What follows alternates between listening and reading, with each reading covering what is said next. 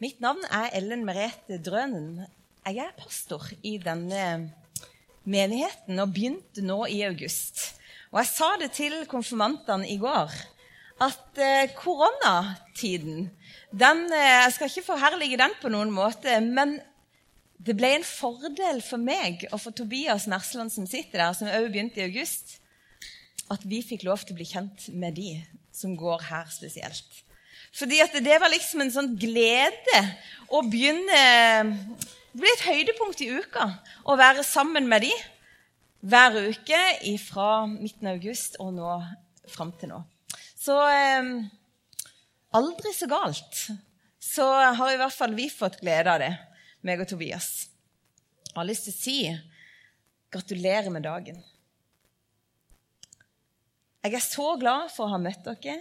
Jeg er så glad for å ha blitt kjent med dere. Og dere er bra folk.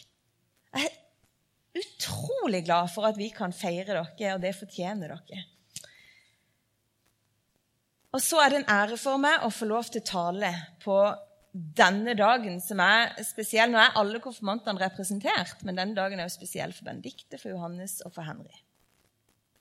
Så er det en ære å få lov til å tale. Og vi skal lese ifra vi skal lese fra påskeevangeliet, folkens.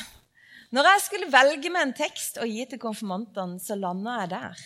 På påskas budskap, og det har jeg lyst til å dele. Og Vi skal begynne med å lese fra Markus' evangelium. Der er det sånn at det har jo, Hvis du går tilbake til påska, så vet du og husker kanskje at det har vært litt sånn spesielle dager. For på fredagen, da ble Jesus korsfesta og døde. På lørdagen ligger han i grava, og det er en sorgtung tilstand. Det er en sorgtung helg for Jesus sine venner. Og så kommer vi inn i historien på morgenen. Før det er blitt lyst, så skal vi lese om tre damer som har satt seg et mål for dagen. Og det er å på en eller annen måte komme seg inn til Jesus sin kropp og få salva den. Vi leser fra Markus evangelium, kapittel 16, vers 1-6.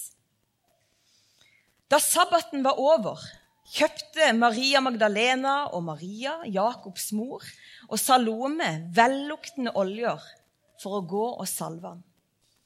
Tidlig om morgenen den første dagen i uken kom de til graven da solen gikk opp.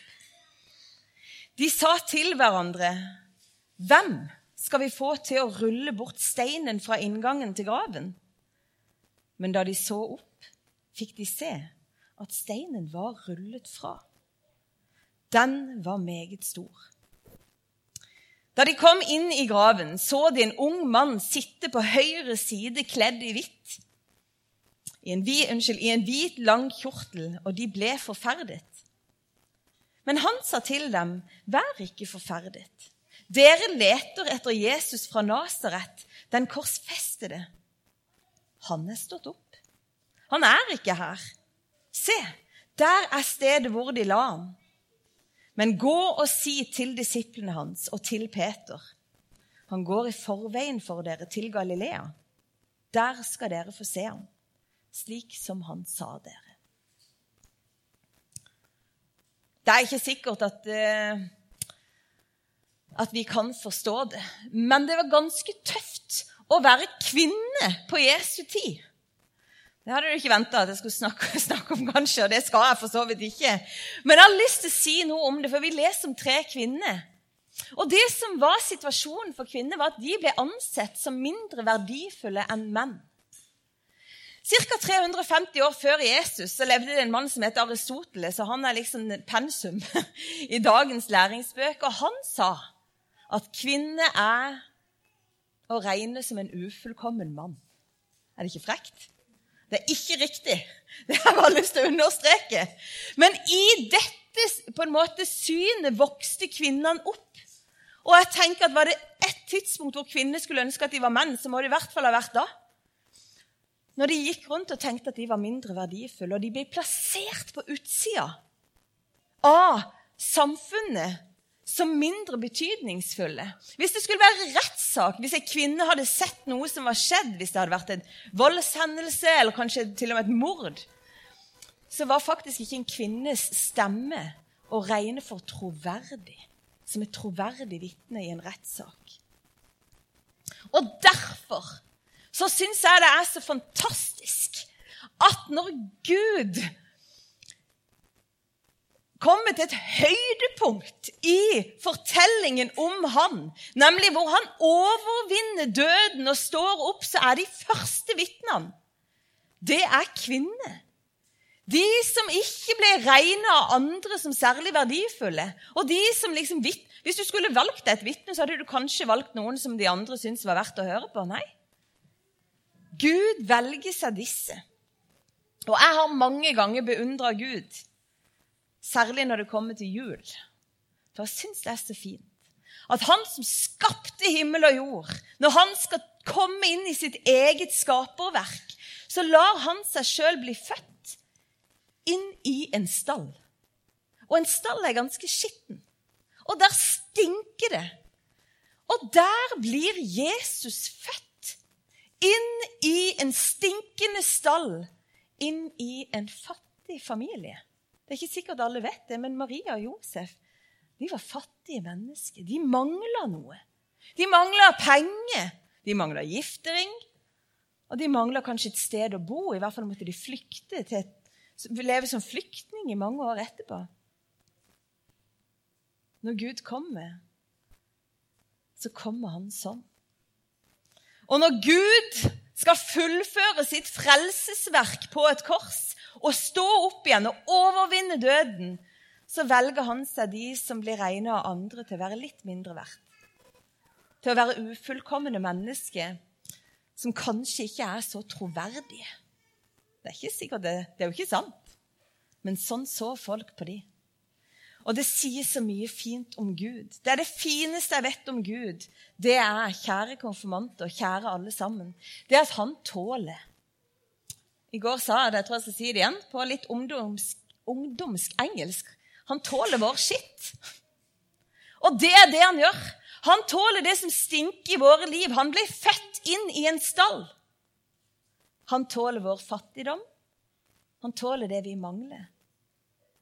Og så tåler han at vi kanskje ikke alltid syns at vi sjøl er så verdifulle. Og det kan være at det er noen andre som ikke tenker at vi er det heller det bryr ikke Gud seg om.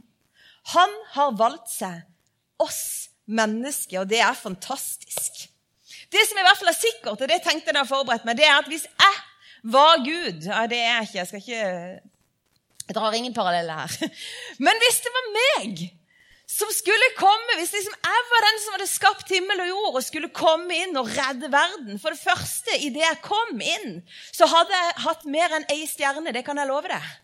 Hadde kjørt på med show på himmelen og sagt Here I am. og den dagen jeg sto opp ifra grava wow!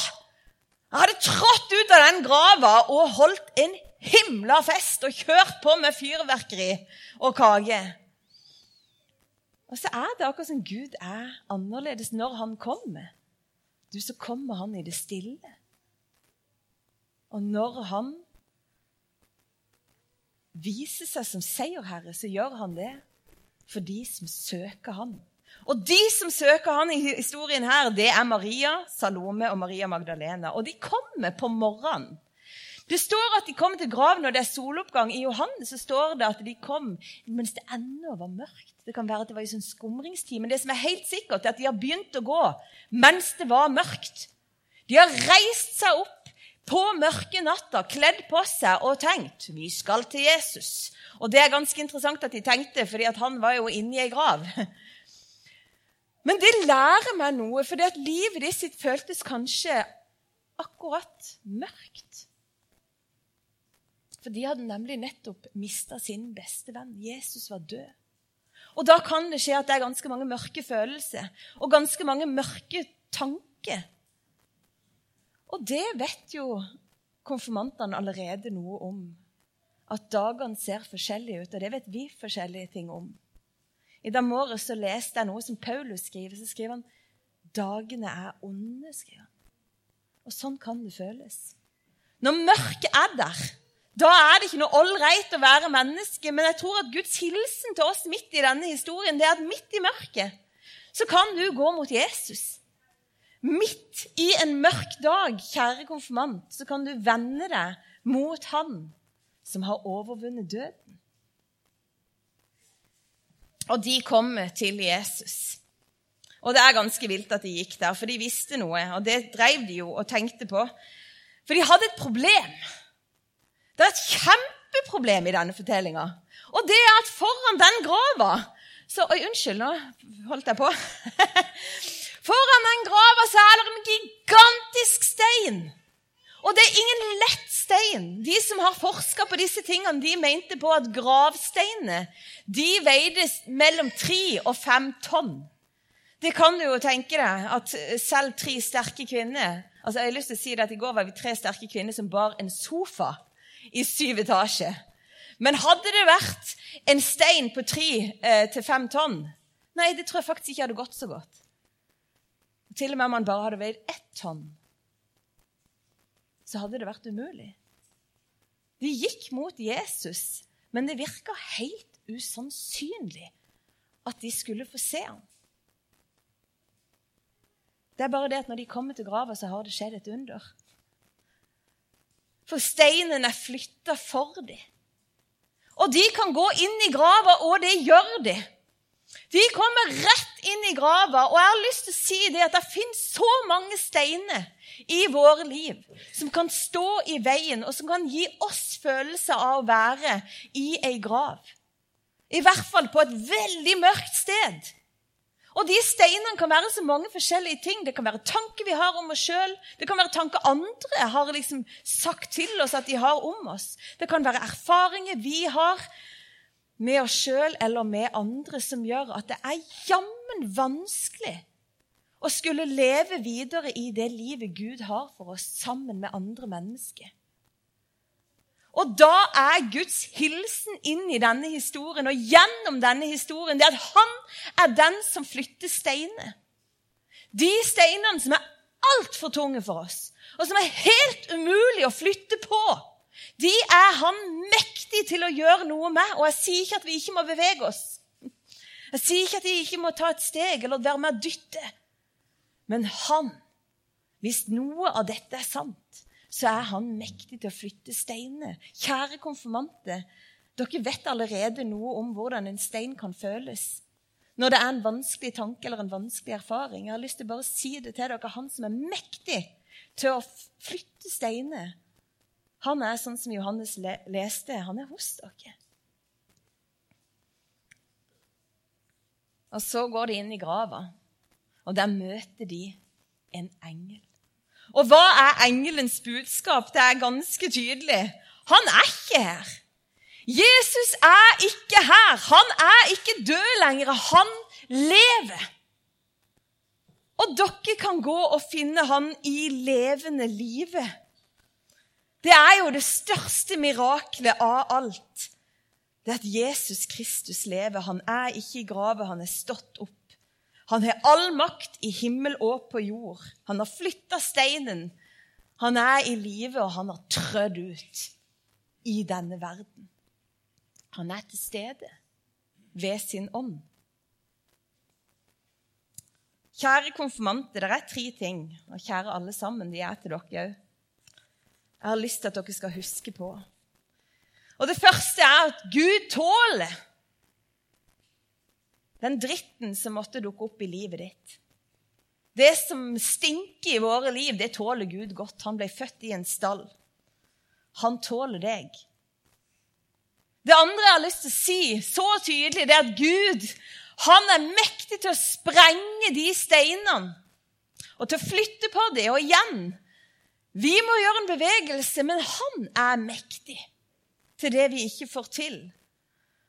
Hvis noe av det som evangeliet handler om, hvis evangeliet er sant, hvis det ikke er sant, så kan dere jo bare se vekk fra alt jeg har sagt. Hvis det er sant, så har du fått et håp for dette livet. Og nummer tre Det største var faktisk ikke at steinen ble flytta. Og det største er faktisk ikke at Gud kan flytte steiner i våre liv. Det største mirakelet er ikke det. Det største er at de fikk møte Jesus Kristus i levende livet. Hvis du går litt videre i fortellinga, så er det nydelig i Johannes evangelium, for der får Maria se ham. Og hun får høre hans stemme som sier hos sitt navn. Det største er at Jesus lever. Han lever nå og i all evighet. Og vi får lov til å leve nå og i all evighet sammen med han. Og vet du hvorfor de fikk lov til å oppleve dette miraklet? Det var ikke fordi at de var kvinner. Det tror ikke jeg. Det var ikke derfor de var de første som fikk lov til å oppleve denne fantastiske påskemorgenen. Jeg tror at grunnen til at det var disse som fikk oppleve det, det var at midt i mørket så hadde de reist seg og gått i retning Jesus. Og så gikk de det stykket det var å gå, før de endelig fikk se ham. Og det er en invitasjon til oss om å venne oss til ham som flytter steiner, og som har liv, evig liv, å gi. Skal vi be. Jesus, jeg takker deg for det. Takk at du tåler å komme inn i våre liv sånn som de ser ut, Herre. Du tåler å komme inn i vår fattigdom, i det vi mangler. Du tåler å komme inn der det stinker, Jesus. Du vil ha oss. Takk for at du elsker oss, Jesus. Og takk for at du vil flytte på de umulige steinene i våre liv. Takk at du har gitt oss et håp for dette livet. Og så har du gitt oss et håp om å få lov til å leve med deg nå og i all evighet. Vi priser ditt navn, Jesus Kristus. Amen.